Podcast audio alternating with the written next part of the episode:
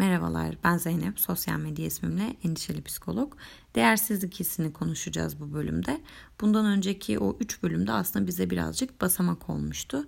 Onları da biraz derleyip toparlarız diye düşünüyorum ve üzerine belki bir şeyler ekleyebiliriz.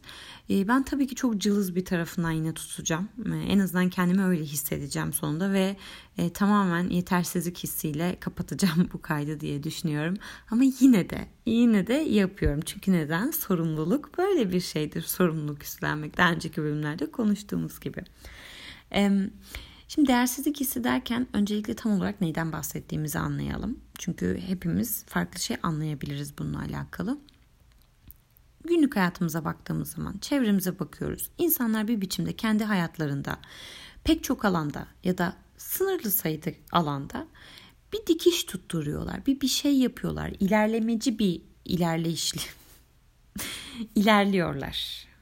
Ve bu da e, aslında ya insanlar bir biçimde bir şeyleri hallediyorlar, yoluna sokuyorlar. Helal olsun be, yapıyorlar valla. E, gidiyorlar işte, tutturuyorlar gibi böyle bir bakış açımız olabilir ama kendi hayatımıza dönüp baktığımız zaman sanki çok da hmm, iyi şeyler yapmıyormuşuz. Ortalama bir düzeyde hatta vasat belki hissediyor olabiliriz. Olan iyi şeyler de sanki bizimle alakalı değil de işte tesadüftür, birinin yardımıdır, bir şeydir. Sanki bizim onda çok payımız yokmuş gibi bir his. Ee, ama gün sonunda ya ben o kadar da aslında bunu yapamam ki ya da yaparım da benimkisi bir şeye benzemez ki gibi böyle artık o hangi konuyla alakalıysa kendimizi bir noktada çekingen, yetersiz haliyle çok da değerli hissetmeyen bir halde bulabiliyor olabiliriz. Böyle hissediyorsanız e, yani iyi haber mi kötü haber mi bilmiyorum. E, yalnız değilsiniz. Yani bu çok sıklıkla e, karşılaşılan bir hal. Kendi tabii ki de arka planımızın bunda etkisi olduğu gibi aynı zamanda yani toplumsal olarak da çok da yardımcı olmayan şeyler içerisinde yaşıyoruz. E, buna daha çok köstek olacak e, bir hayat deneyimimiz var ne yazık ki. Ama kalkıp da hani burada mağdur edebiyatı yapmayacağız. E, işte bundan bundan dolayı da böyle falan gibi değil. Hayır, insan kendi potansiyeli üzerine çalışabilir ve sorumluluğunu üstlenebilir. Bunun gün sonunda kendi büyük başarılar elde etmeyebilir, dünyayı kurtarmayabilir, aşıyı bulamayabilir ama kendi hayatı içerisinde bir tutarlılığı, bir azmi, bir çalışkanlığın, bir sorumluluk üstlenmenin bu bunların kırıntısını görür ve bunlara güven duyar. Ve yarın öbür gün ya da bugün kendisi için şunu hissedebilir yani. Ya belki çok harika bir hayat kurmayabilirim ama karşıma çıkan şeyin de üstesinden bir biçimde gelirim. Ve bu aslında kendimizi yeterli hissetmenin en temel yeridir. Yani bize bir en azından sıfır noktası verir. Hani ekside olduğumuzu hissettirmez. Ha, tabii ki de her zaman üzerine bir şey koyabiliriz bir şeylerin. Ya da etrafımıza baktığımızda hep kendimizi daha geride hissedebiliriz. Birazcık da bu hisle de hani barışabilmek de önemli. Çünkü böyle bir yer yani hayat muhtemelen benim anladığım bu. Yani e, sürekli e, bu böyle bir perspektif oluşturursam eğer kendime yani bir yarışın içindeymişim bir belli konularda işte kulvarlara ayrılıp e, yanımdaki sağımdaki solumdaki insanlara bakıp ona göre kendimi değerlendirmek üzerinden bir lensle ben bu hayatı yaşarsam e, benim zaten bu hislerin içine düşmem kaçınılmaz. E, buna garip bir şey yok. Ama şu da değil yani bu lensi takmayın arkadaşlar. İşte hayat böyle bir yerde. Ya yani bu lensi taktık. Taktık yani sağımıza solumuza bakıyoruz. Bakacağız. Ee, ama arada başka lensler takabilir miyiz? Bu bir soru olabilir. E belki bunu katabiliriz hayatımıza. İkincisi o taktığımız lens yani bizi o hayal kırıklığına genellikle uğratan ve kendimizi çok da kıymetli hissettirmeyen lensi e, tam tersi bir şey için kullanabilir miyiz? Yani orada ben bundan nasıl fayda sağlarım gibi bir şeyi de masaya yatırabiliriz. Şu an çok kişisel gelişim yoluna doğru gidiyormuş gibi hissediyorum. Neyse. Şimdi değersizlik hissini aslında nasıl kendi kendimize oluşturduğumuza dair e, şöyle bir zihnimizde şey çizeyim istiyorum. Bir şema çizeyim. E, Jung'un persona kavramı var duymuşsunuzdur belki. İşte sosyal e, oluşumlar içerisinde taktığımız maskeler aslında bu. İşte e, profesyonel hayatta yani iş hayatında diyelim. E, işte ailede çocuk olarak işte e, anne olarak baba olarak e, çalışan olarak arkadaş olarak e, müşteri olarak çok fazla çeşitlendirebiliriz. Yani üstlendiğimiz roller kadar aslında bizim personamız var. E, bu persona işte maske diyelim biz bunlara. Hmm, sosyal karşılaşmalarda taktığımız maskeler. Maske dediğimiz zaman kötücül bir şey gibi hissediyor olabiliriz. Hissetmeyin. Aksine bu e, bizim uyum sağlamamızı kolaylaştıran bir araç gibi düşünebiliriz. Neden? Ben Zeynep'im. E, bir tünele giriyorum. Bir, bir odaya giriyorum. İşte oranın ışığı farklı, öbür yerin yer şeyi farklı. Duruma göre işte kendime ona göre gözlük takıyorum. Öyle düşünebiliriz yani. E, bu gözlük hem benim görüş açımı e, etkiliyor. Yani bana bir şey, bir fayda sağlıyor bu anlamda. Hem de karşı tarafa aslında bir şey gösteriyorum ben. O yüzden gözlük hiç iyi örnek olmadı ya. Maskeyle devam edelim biz. Ama işte durumdan duruma göre bir maskeyi değiştiriyoruz. Burada anlamamız gereken şey şu. Bu maskeyi böyle birbirinden farklı maskeler, işte hilekar, düzenbaz maskeler değil bunlar. Bunların hepsi Zeynep'in yüz hatlarına oturan maskeler. Hepsi bana ait, size ait. Ee, ve bunu siz takıyorsunuz. Yani hayatı deneyimleyen siz ve ben. Biz takıyoruz yani bunları. Fakat bizim geldiğimiz noktada biz artık maske takmayı bıraktık gibi sanki. Biz kendimizden e, uzantılar oluşturuyoruz. İşte ben bir tane Zeynep uzantısı oluşturuyorum bir maske yerine. İşte aile hayatına onu koyuyorum. Anne e, uzantısı. İşte bir tane eş uzantısı, bir tane işte psikolog Zeynep uzantısı oluşturuyorum. Bunu şey gibi hayal edin zihninizde. Kendimden küçük küçük Zeynepler çıkarıyorum böyle. Bunlar birazcık daha mekanik şeyler tabii. Çünkü ruh bende ya asıl olay bende yani. Orijinalinde. Ee, işte ben bunu kendimin aynası görünüş olarak. Ee, ben hayatı deneyimliyorum. Ee, hayatı deneyimlerken bir perspektif geliştiriyorum. Bir vizyonum oluşuyor, ihtiyaçlarım oluşuyor, yapmak istediğim ideallerim oluşuyor. İşte e, bakıyorum etrafa e, diğer tarafta olup biten şeylere göre de bir yandan hani sadece kendi ihtiyaçlarım değil benden beklenilenleri de göz önünde bulundurarak bu şeyleri fark ediyorum ve buna yönelik işte adımlar atıyorum. Ne yapıyorum? Ee, bir üniversite eğitimi alıyorum, bir bir şey oluyorum. Şak bir şeyi oldum. İşte kendimden çıkmış bu ne olsun? Mesleki Zeynep, profesyonel Zeynep olsun. O uzantıya şak o etiketi yapıştırıyorum. Ee, ondan sonra işte bu şeyde bilinçleniyorum, bilinçleniyorum, işte farkındalık geliştiriyorum. Şimdi psikolog Zeynep'im ya, benim mükemmel de bir anne olmam gerekiyor aynı zamanda. Ee, çocuk psikolojisinden anlayan, çocuk gelişimine hakim ve bu konuda mükemmel de irade geliştirmiş olmam gerekiyor. Çünkü psikolog Zeynep olduğum için yine. Ee, sonra anne Zeynep'e bilinçli anne, bilinçli Zeynep şeyini yapıştırıveriyorum etiketine. Ee, onu da küçük alt başlık açıyorum çünkü psikologdur diye onu da not düşüyorum. Ondan sonra işte eş olarak bir şeyler yapıştırıyorum. İşte ne diyorum? Eee geleneksel eş olmayan Zeynep'i yapıştırıyorum. İşte eğlenceli, işte şöyle böyle bilmem ne. E, oradaki artık Zeynep neyi idealize ediyorsa ve toplum da neyi idealize ediyorsa Zeynep burada nasıl bir ortak bir buluşma sağlama ihtiyacı hissediyorsa işte ben onları genellikle yapıştırıyorum. Sonra ben bunları salıyorum işte ortamlarına göre. Bunlar gidiyor etiketleriyle kendilerini çok böyle temiz bir şekilde temsil ediyorlar. Neden? Olduğu gibi gözüküyor zaten. Bakıyorsunuz alnında ne olduğu yazıyor. Ee, diyorum ki ben üzerime düşeni yaptım. Ben bu etiketi oluşturdum. Şimdi artık sen yorumla bunu. E, yorumlarsın herhalde yani e, hak ettiği şekilde diye e, şey yapıyorum. Fakat tabii süreç içinde şöyle bir şey oluyor. bütün yani Zeynep'in idealize ettiği etiketler var. E, kafasında bazı şemalar var. Onlara göre tabi adımlarını atıyor gerçek orijinal Zeynep. O etiketleri toplarken hem süreci kendi yaşıyor. E tabi bu Zeynep'in bir kapasitesi var. Yani bir zeka potansiyeli var. İşte duygularını fark edebilme, bunu yaşayabilme, iletişim becerisi, e, algılayabilme, dış dünyayı kavrayabilme. E, bu, bu bunlar da var Zeynep'te. Yani be, bunlar Zeynep'e göre değişen şeyler. Zeynep bu ölçüde o etiketleri alıyor. E bazen o etiketler ki çoğunlukla aslında çok da Zeynep'i tatmin etmeyen şeyler e, Zeynep'i çok da tatmin eden şeyler olmuyor.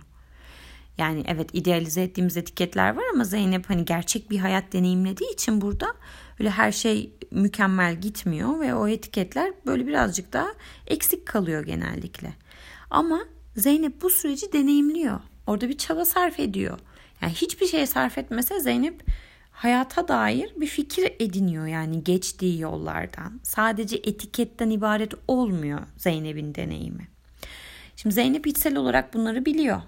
Farkında bazı şeylerin. Ama ortaya saldığı uzantısı. Sonra işte insanlar Zeynep'in üstündeki etiketlere göre e, onun altını doldurmaya çalışıyorlar. İşte şuradan mezun olmuş, şu işi yapıyor, şurada yaşıyor, şu arabaya biniyor gibi gibi işte hepimizin bildiği şeyler. Ee, onlara bakarak işte Zeynep'in kişisel özelliklerine bakarak birazcık oradan aa insanlarla kolay iletişim kuruyor. Aa bu biraz içe dönük galiba. İşte bilmem ne gibi insanlar e, çoğunluğun zaten buna ortak bir cevabı oluyor genellikle. E, illa orada bir yüksek bir şey e, çıkıyor yani anlamlandırma hali. İnsanlar çoğunluk onu orada belirliyor. E, al diyor biz seni böyle tanımlıyoruz. Bu etiketin altını böyle dolduruyoruz. Zeynep'e geri geliyor uzantı. Tabii Zeynep başka bir şey de iddia şey yapıyordu bir yandan. Yani hani çünkü e, Zeynep kendi deneyimine dayanarak başka bir biçimde yorumlanmasını da bir yandan tabii bekliyor. Ama istediği gibi pek gitmiyor durumlar. Çünkü herkes Zeynep'in gördüğü kadarını göremiyor. Ee, ama diğer taraftan da insanlar da böyle görmüş. Yani sonuçta Zeynep insanların gözünde böyle görülüyorsa kendi hissettiğinin de ne kadar önemi var? Bu ikilemin içine düşüyor. Ee, işte bazen kendi isteği, bazen insanların gözünde nasıl görüleceği, onların anlamlandırma şekillerini bu karmaşa içerisinde yaşayıp gidiyor ve çoğunlukla da Zeynep kendini yeterli hissetmiyor. Ve herhangi bir adım atarken de aslında bende yeteri kadar kaynak yok ya da ben bunun için yeterli değilim. Yeterli vasıflara sahip değilim. Yeterli donanıma sahip değilim e, inancıyla adımlarını daha ürkek belki atıyor, belki de atamıyor. Ve Zeynep'in en aslında e, yani ayağına çelme takan yer şu oluyor. Zeynep dönüp baksa kendine ya bir dakika Zeynep sen orijinal Zeynep olarak bunu sen yaşıyorsun. Tamam o etiketi taktın ama mesela o etiketi takarken şunu gördün sen. İşte sen günde 3 saat çalışabilen bir insansın. Yani tamam belki bu 3 saat çalışma işte atıyorum üniversite sınavında şöyle bir puanı almaya yetmiyor ama sonuç olarak sen 3 saat bir şeye odaklanabilen bir insansın. Bu veriyle ne yapabilirsin Zeynep? Bunu hayatının başka alanlarında nasıl kullanabilirsin ya da bu alanında nasıl kullanırsın? Ya da bunu nasıl genişletebilirsin Zeynep? Ama yok. Zeynep o etiketi aldı. Geri kalanını artık çok nerede nasıl kullanacağını bilemiyor. Zaten ona bakmayı da unutuyor. Neden? Çünkü kendi envanterini alırken Zeynep kendisine değil alıyor. Tıpkı kendisi gibi gözüken uzantısını karşısına oturtuyor. Onun üzerinden değerlendirme yapıyor. Ama Zeynep'e benziyor olabilir de Zeynep'le uzaktan yakından alakası yok. Çünkü o artık Zeynep'ten çıkmış bir şey.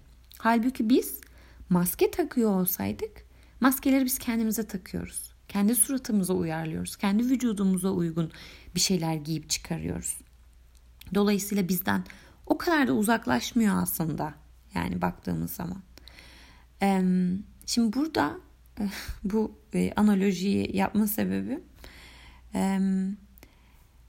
kendimizi yanıltma durumumuza öncelikle odaklanmamız lazım. Yani biz ilk başta kendimizi çok başka bir şeyin içine koyuyoruz. Çok kısır bir yerden değerlendirmeye başlıyoruz.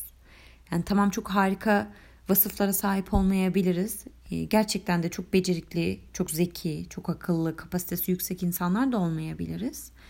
Ama bir, bir şey var bizde yani bir potansiyel var ve o nereye kadar gidiyor onu bir görebiliriz. Ama bunu görebilmek için bu, bu anlattığım bu uzunca anlattığım saçma yöntem buna yardımcı olmuyor. Burada çünkü olay artık gerçeklikten kopuyor bir yerden sonra. Ve o şeyler başrol olmaya başlıyor. E, o uzantılar, ruhu olmayan uzantılar. Halbuki e, insanın en nihayetinde içsel olarak kendini değerli demeyeyim de değersiz hissetmemesine vesile olan şey şudur. Ya ben dünyanın en harika insanı olmayabilirim ya da çok becerikli, çok başarılı olmayabilirim ama hallederim yani. Karşıma çıkan bir şeyi hallederim. İyi kötü başımın çaresine bakarım. O belki muhteşem bir profil olmam. Ee, ya bir de öyle bir şey de var artık yani. Hani hepimiz biraz meşhur olmak zorundayız ya. İşte takipçi sayımızla bir şeylerle bunu da hissediyoruz ya. Ee, hissetmiyor da olabiliriz ama aslında bu bilgi artık hayatımızın bir gerçeği. Yani e, bu olunabiliyor ve biz bunu olmadıysak e, bir şeyler de belki hani biz eksik oluyor olabiliriz. Yani bunu direkt bu kadar böyle hissetmiyor olabiliriz de e, bizim dünyayı ve kendimizi değerlendirmemize e, etki eden şeylerden bir tanesi de bu aslında. Neyse sonuç olarak bizim artık kendi uzantılarımızdan biraz ayrışıp bunu zaten konuşmuştuk daha öncesinde narsistik e, benlik olarak yani etrafımızdakileri de böyle gördüğümüz için halbuki onlar da biz değil yine kendimizi de kendi temsillerimizi de böyle oluşturduğumuz için aslında onlar da biz değil. Ee, bunlardan birazcık yani en azından bunun farkına varıp bir dakika ben orijinal halimle ben tam olarak neyim? Bende ne kadarı var? Ee, biraz bunları kabullenmeyle de başlıyor aslında. Ya değerlilik hissiyatı bence e, eksikliği kabullenmeyle oluşabilecek bir şey. Ben bu kadarım. Ama bu kadarı birazcık daha esnetebilir miyim? Üzerine gidebilir miyim? Bu anlamlı bir soru olabilir. Ama hani bütün böyle ıı, şeyden mükemmellikten başlayıp sonra insan kendisini ben peki ben bu mükemmelliğin neresindeyim diye sormaya başladığında yani dışsal bir şey üzerinden ve eleştirilemez bir şey üzerinden kendi yerini bulmaya çalıştığı zaman e, bu sefer hep tabii ki de değersizim. Yani ben öyle bir şeyin içinde kendimi değerli görürsem zaten o, da ayrı bir sıkıntı olabilir. Yani aslında demeye çalıştığım şey özetle kendimizi değerlendirdiğimiz yer ve kendimizi tanımlama şekillerimiz almış başını gidiyor. Ee, ne kadar gitmiş önce onu bir fark etmek lazım. Sonra nasıl toparlayacağız? Neresinden başlayacağız bunun? Bir onu göz önünde bulundurmak lazım. Ondan sonrasında da e, hani o ulaşılan aşamalar üzerinden değil de o aşamaya gidene kadar ki süreci de göz önünde bulundurarak e, hani şey derler ya işte süreç odaklı olmak. Ben e, süreç sonuç sonucun birbirinden bağımsız olabileceğini düşünmüyorum. Yani sonucun olduğu yerde bir süreçten bahsedebiliriz. Bir yerde sonlanması lazım ki oraya kadar olan yere süreç diyebilelim. Dolayısıyla sonucu e, o yani hedef edinmek e, çok anlamsız bir şey değil bu noktada. E, neyse kelime oyunu yapmayayım burada. Ama demeye çalıştığım şey bu romantik şeyleri bir kenara bırakalım yani. Önemli olan sürece odaklanmak, önemli olan işte sonuca ulaşmak falan. Böyle bir şey değil bu. E, anca işte laf kalabalığı yapıyor hayatımızda. E biz yaşıyoruz yani bu hayatı. Ve yaşarken kendimize dair olabildiğince veri toplamak niyetindeyiz.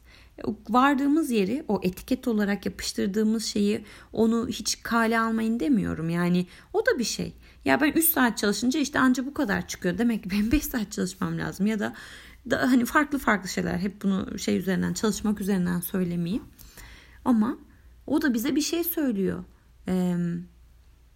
işte bütün bunları harmanlayarak kendimize dair bir şey oluşturup e, ben buyum. Şu anda kapasitemin bu kadarını kullanıyorum. Şuralarda zorlanıyorum. Buralarda esnekliğe ihtiyaç duyuyorum. Ama bu anlamda kendimi birazcık daha esnetirsem e, kendime bu hayatta daha fazla alan açabileceğimi düşünüyorum. O yüzden bu konuda nasıl bir sorumluluk üstlenebilirim? Bunun için benim ne yapmam gerekiyor?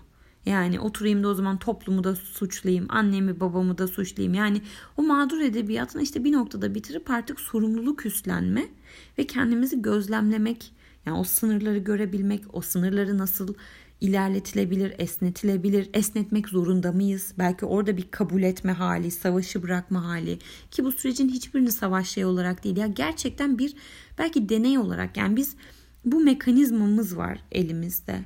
Bu nasıl kullanılır? Bu örneği daha önce verdim mi bilmiyorum önceki şeylerde de.